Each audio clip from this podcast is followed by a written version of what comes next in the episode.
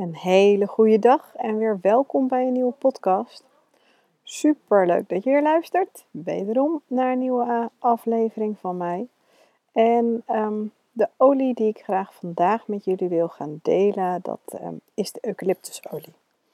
Uh, een paar dagen geleden kreeg ik ehm, de nieuwe e-mail uh, met het product van de maand bij doTERRA, de maand april. En ik was direct helemaal blij, want wat is namelijk de olie van de maand? De eucalyptusolie. Hebben jullie het ook gezien?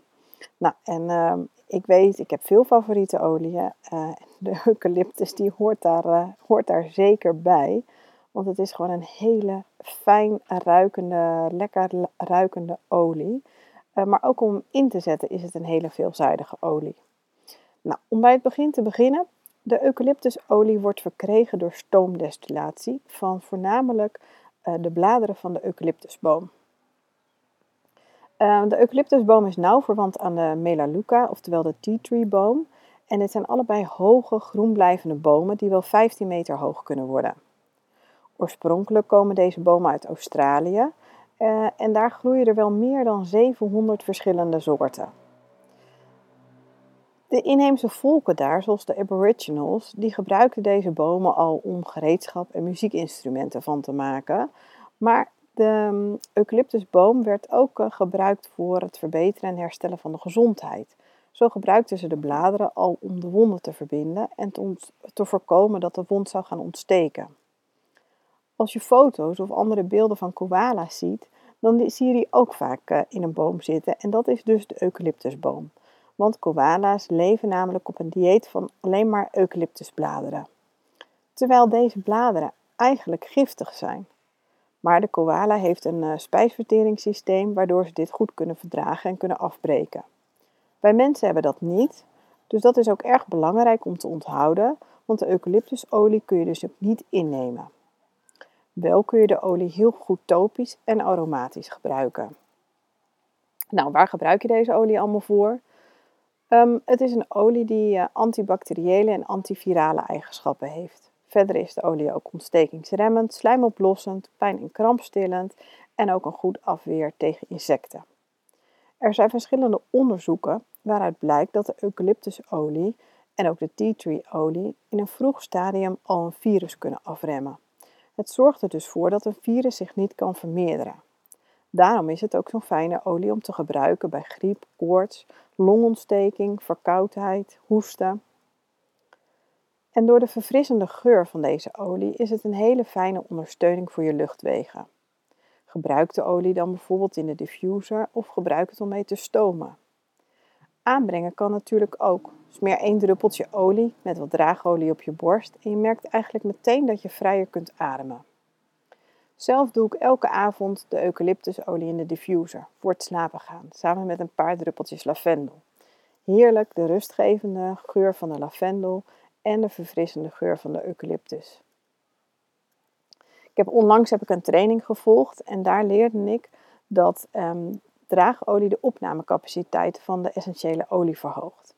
Zelf dacht ik eigenlijk altijd, en ik denk ook velen met mij, dat um, van nou, laat ik de olie maar puur gebruiken, dan werkt het vast beter en sneller. Maar dat is dus eigenlijk helemaal niet zo. Door een draagolie te gebruiken kan je de olie namelijk veel beter verdelen over je huid en over een grote oppervlakte. En dus kan de olie veel beter je bloedbaan bereiken, waardoor de opnamecapaciteit twee tot soms wel drie keer hoger is dan als je de olie gebruikt zonder een draagolie. Als draagolie kun je vele verschillende plantaardige oliën gebruiken. Het is belangrijk dat de olie die je gebruikt de chemische samenstelling van de essentiële olie niet verandert, om zo wel de beste therapeutische werking van de olie te kunnen ervaren. Zelf gebruik ik meestal gefractioneerde kokosolie, dat is de vloeibare variant van de kokosolie, of amandelolie.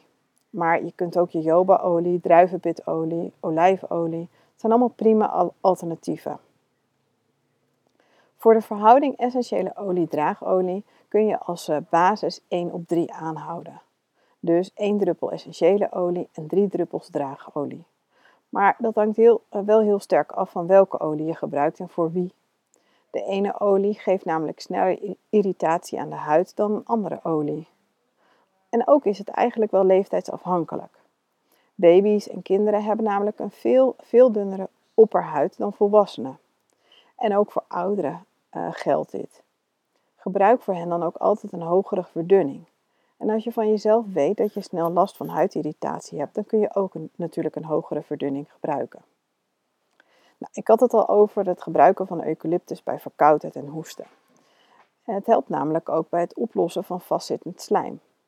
En daarvoor heb ik een heel erg fijn recept om je eigen natuurlijke dampo of fix vaporub te maken. Gebruik hiervoor de verharde variant van de kokosolie. Laat dit smelten boven een pannetje uh, kokend water, au bain-marie dus. En voeg als het weer een beetje is afgekoeld hier 5 tot 10 druppels pepermunt en 5 tot 10 druppels eucalyptusolie aan toe. Het is een beetje afhankelijk hoeveel kokosolie je gebruikt. Doe dit dan in een potje, laat het verder afkoelen en hard worden en je hebt je eigen balsem. Super fijn om met kinderen te gebruiken. Heb je nu koorts, dan is de combinatie pepermunt en eucalyptus ook een hele fijne om daar een compress van te maken. Gebruik een washandje of een eh, handdoek met wat koud water en twee druppeltjes pepermunt en twee druppeltjes eucalyptus. En hiermee dep je dan afwisselend je voorhoofd, nek en voeten. Dit werkt heel erg verkoelend. Eucalyptus is ook pijn- en krampstillend. Dat is dan weer fijn bij menstruatiepijn bijvoorbeeld. Wrijf de olie samen met wat draagolie op je buik of op je onderrug. En bij spierpijn en reumatische pijnen werkt de eucalyptus verzachtend. Dit kun je weer dan uh, aanbrengen op je huid, verdund met wat draagolie, of laat je lekker met deze olie masseren. Ook een bad is vaak heel erg prettig. Maar belangrijk is dan wel dat je een emulgator gebruikt. Olie mengt zich namelijk niet met water. Dus als je niet wil dat de olie alleen maar bovenop blijft drijven, doe dan de essentiële olie samen met een beetje melk, honing of zout in je bad. Met gewone badschuim of een beetje douchegel kan dat natuurlijk ook. Is een fijne olie bij huidproblemen en als je een gevoelige hoofdhuid hebt. Heb je bijvoorbeeld last van roos of schilfers, doe dan een paar druppeltjes eucalyptus bij je shampoo om je hoofdhuid tot rust te brengen. En bij luizen kun je ook deze olie inzetten, samen met de tea tree. Breng het dan aan langs de haargrens, dus achter je oren en in je nek. En ik vind het vaak zelf handig om daar een sprayfles voor te maken.